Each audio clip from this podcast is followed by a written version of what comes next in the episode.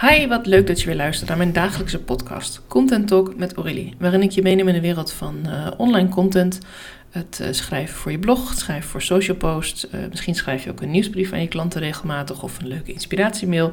En ja, dat wordt je inspiratie. Ja, daar wil ik het vandaag toch even met je over hebben in deze aflevering. Want ik denk dat veel ondernemers het idee hebben dat ik en ook andere mensen die met marketing en teksten bezig zijn, eigenlijk een soort continue ideeënmachine hebben ergens in hun rugzak hangen. waardoor je eigenlijk altijd weet waar je over moet schrijven. Waardoor je altijd het idee hebt waar je over moet posten. Of dat je altijd denkt, oh ja, een podcast, nou dat rol ik ook nog wel even eruit. Maar zo is het helemaal niet. Ook ik vind het lastig. Ik maak elke dag een podcast. Ehm, soms neem ik ze van tevoren op, soms neem ik ze echt per dag op. Dat ligt een beetje aan mijn agenda. En uh, ja, de ene keer gaat het veel makkelijker dan de andere keer. En daarvoor heb ik ook een, uh, een, een, leuk item bedacht voor vandaag. Dat is uh, eerste hulp bij content. En, of eerste hulp bij inspiratietekort. Maar ik vond eerste hulp bij content wel leuk. Een soort EHBO-kitje. met drie punten die ik in deze podcast met je wil bespreken. Zodat je altijd op het moment dat je denkt... Ja, maar ik heb nu echt al een week niks gepost op Instagram of op LinkedIn. Of die nieuwsbrief, ja, ik zou toch elke maand iets sturen. En het is nu al donderdag of vrijdag. En ik zou eigenlijk al op maandag of dinsdag sturen. Geen nood, er zijn altijd mogelijkheden om ook als je het echt even niet meer weet, als je echt even geen zin meer hebt, als je geen inspiratie hebt, als je denkt, get demmen, waarom moet dit en kan het niet op een andere manier? Het kan echt wel en het hoeft je ook geen uren te kosten. Ik begin met tip 1. Je hebt vast al een keer een review ontvangen van een klant van jou. Je hebt vast al een keer iets positiefs, leuks gehoord. Dat mensen blij zijn met wat je doet. Dat mensen het uh, tof vinden wat je voor ze gemaakt hebt. Hoe je ze geholpen hebt. Wat je voor ze uh, geholpen hebt met processen of in een programma waar ze in zitten. Kortom, je hebt echt wel reviews ontvangen. En misschien niet allemaal helemaal volledig dat je dacht, deze gaan op mijn website. Maar misschien zit er ook nog wel eentje tussen waarvan je denkt, hmm, ja, die heb ik eigenlijk toen niet op mijn website gezet. Omdat die bijvoorbeeld over een programma gaat dat ik nu niet meer heb. Of uh, die review die was erg kort. Of die review was juist super lang, dus ik heb alleen een klein stukje ervan gebruikt. Ga eens even terug naar die reviews die je nog niet zo heel vaak gedeeld hebt. Of die misschien wat ouder zijn. Of die uh, misschien eerder niet helemaal aansloten. En kijk eens of je daar wat mee kunt. Kun je die bijvoorbeeld uh, een stukje uithalen, een zinnetje uithalen en daar een leuke post over schrijven. Dan vertel je iets over deze klant, over wat jullie met elkaar hebben gedaan of wat erachter zit.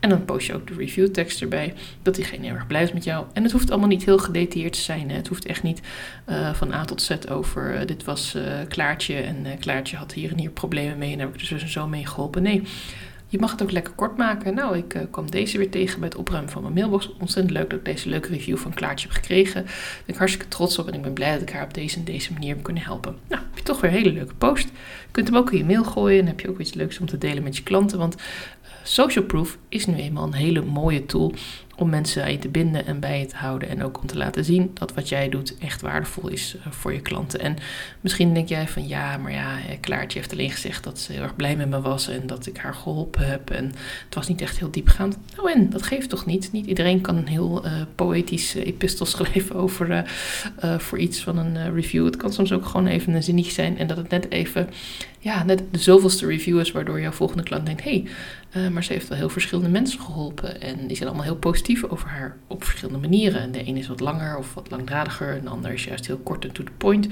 En misschien raakt dat juist wel iemand, of misschien kent diegene wel. En wat ook heel leuk is als je deze review van deze klant deelt, misschien dat ze het zelf ook wel ziet en ook nog een keertje deelt. Dus op die manier uh, help je ook deze ondernemer weer vooruit of deze klanten en kan ze eventueel jou ook weer een extra boost geven. Dus dat is één, review, uh, een review uitlichten of even een stukje uit een review pakken. Je kunt bijvoorbeeld ook zeggen, op mijn website staat een vrij lange review tekst. Ik pak er gewoon ergens uit het midden een sterke zin en die zet ik dan op een Instagram post of in een LinkedIn post of in een story kan ook. Want op die manier recycle je eigenlijk weer je eigen reviews. En wat kun je nog meer recyclen? Je kunt ook oude nieuwsbrieven recyclen. Je kunt ook dingen die je gedeeld hebt in je podcast, video, uh, in een social post, kun je gewoon nog een keertje noemen. Misschien heb je een hele toffe podcast opgenomen samen met iemand en dat je dan nu daar wat highlights uithaalt, omdat je nu bijvoorbeeld op een andere manier ernaar kijkt. Of omdat uh, jouw programma nu heel erg aansluit op iets wat je een jaar geleden hebt besproken ergens in een post of in een blog. En dan kan je aangeven, nou toen en toen eh, stond ik er dus en zo in. En uh, nu denk ik er inmiddels zo over, heb ik dit uitgebreid. Of hey, weet je nog die post waarin ik wat vertelde over dit programma? Inmiddels staat het, heb ik al twee rondes gedraaid. Ik vind het hartstikke leuk als je mee komt doen in ronde drie bijvoorbeeld. Uh, je kunt ook iets vertellen over een bepaalde tip die je hebt gegeven. Bijvoorbeeld toen ChatGPT net bestond, uh, dat ik dan wat heb verteld over, nou, uh, AI komt eraan, wat kunnen we er allemaal mee? En dat ik dan nu dan weer wat over vertel van, nou, zijn verschillende soorten apps en ik gebruik zelf deze en hoe gebruik jij dat? Je kunt doorgaan op onderwerpen die voor jou van belang zijn, voor jouw vakgebied, waar je al eerder wat over hebt verteld. En je mag jezelf best herhalen daarin. Want als jouw boodschap heel sterk is en dat klopt nog volledig, ja, waarom niet? Niet elke klant, niet elke bezoeker van je website en niet elke volger op je socials heeft alles van jou gevolgd, heeft alles onthouden. En zowel, dan zijn het je grootste fans en dan zou ik ze een hele dikke knuffel geven en een post bloemen sturen. Maar uh, ik geloof niet dat er heel veel mensen zijn die echt precies nog weten wat jij uh, twee maanden, drie maanden geleden geplaatst hebt. Of die dat ook echt kan schelen. Hetzelfde geldt trouwens ook voor ontwerpen. Als je bepaalde leuke ontwerpfoto's hebt, dat je denkt: ik eh, geef er even een ander kleurtje aan of ik zet een ander fotootje achter, pas de tekst een beetje aan. Maar ik zorg wel dat het schabloon verder gelijk blijft. Het geeft ook wel heel veel rust aan je, aan je feed, want mensen gaan je dan ook herkennen daardoor. Dus ook dat kun je recyclen in je posts. En natuurlijk wat ik al zei, ga eens terug door je oude nieuwsbrieven, mailingen naar klanten. Misschien heb je op een gegeven moment een gratis training gedeeld en kun je daar ook dingetjes uithalen die je dan nu weer kunt delen in een post of in een uh, podcast of op een andere manier, waardoor je weer even wat eruit haalt. En zeker als je dit al gratis hebt gegeven of als je van plan bent om bijvoorbeeld een gratis masterclass te geven, noem maar iets, dan kun je daar ook best stukjes uit delen. Want niet iedereen gaat die masterclass ook daadwerkelijk volgen die dit leest. En als mensen hem wel gaan volgen, is het ook niet zo heel erg, want waarschijnlijk geef je hem niet morgen, geef je hem waarschijnlijk over twee of drie weken en ben je heel veel mensen aan het warm maken daarvoor. En dan is het helemaal niet erg om alvast een paar tips te delen. Want op het moment dat ze in jouw masterclass zitten, dan krijgen ze de volledige context mee. En dan kun je echt uitleggen van hé, hey, het komt daar en daar vandaan, of het heeft hiermee te maken, of uh, ik werk zus en zo. Juist door het al een keertje gezegd te hebben in een post of in een andere vorm van communicatie naar je klant toe, blijft het uh, veel beter hangen op het moment dat ze het dan horen, bijvoorbeeld in jouw masterclass.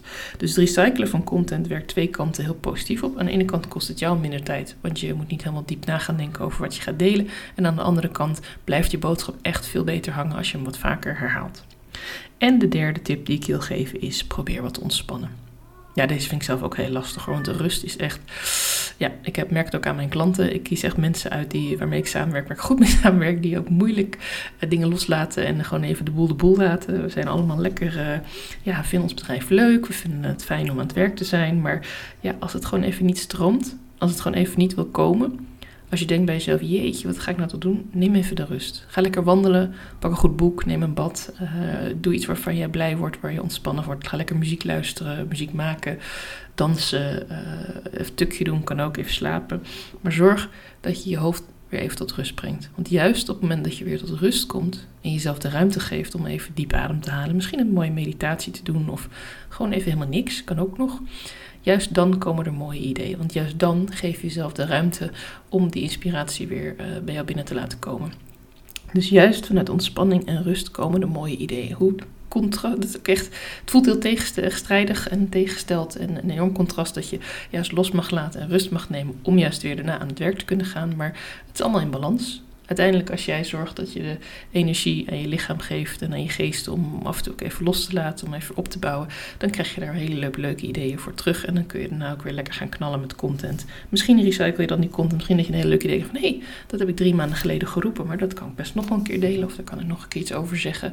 Zie het dan zo.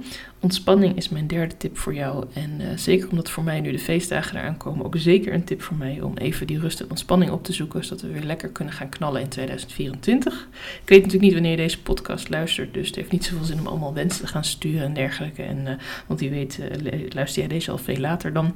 Maar ik hoop in ieder geval dat je aan deze tips wat hebt gehad. En mocht je dit nuttige, leuke tips vinden, deel het dan vooral met je business buddy. Geef hem ook een leuke review, um, waardoor we ook weer meer mensen mij gaan vinden op de verschillende podcastkanalen. En dan spreek ik je heel graag bij mijn uh, ja, laatste podcast van dit jaar voor 2024, die je hierna kunt beluisteren. Daarna ben ik er even twee weekjes niet en dan ga ik in 2024 weer lekker aan de slag met mijn dagelijkse Content Talk podcast. Dankjewel voor het luisteren.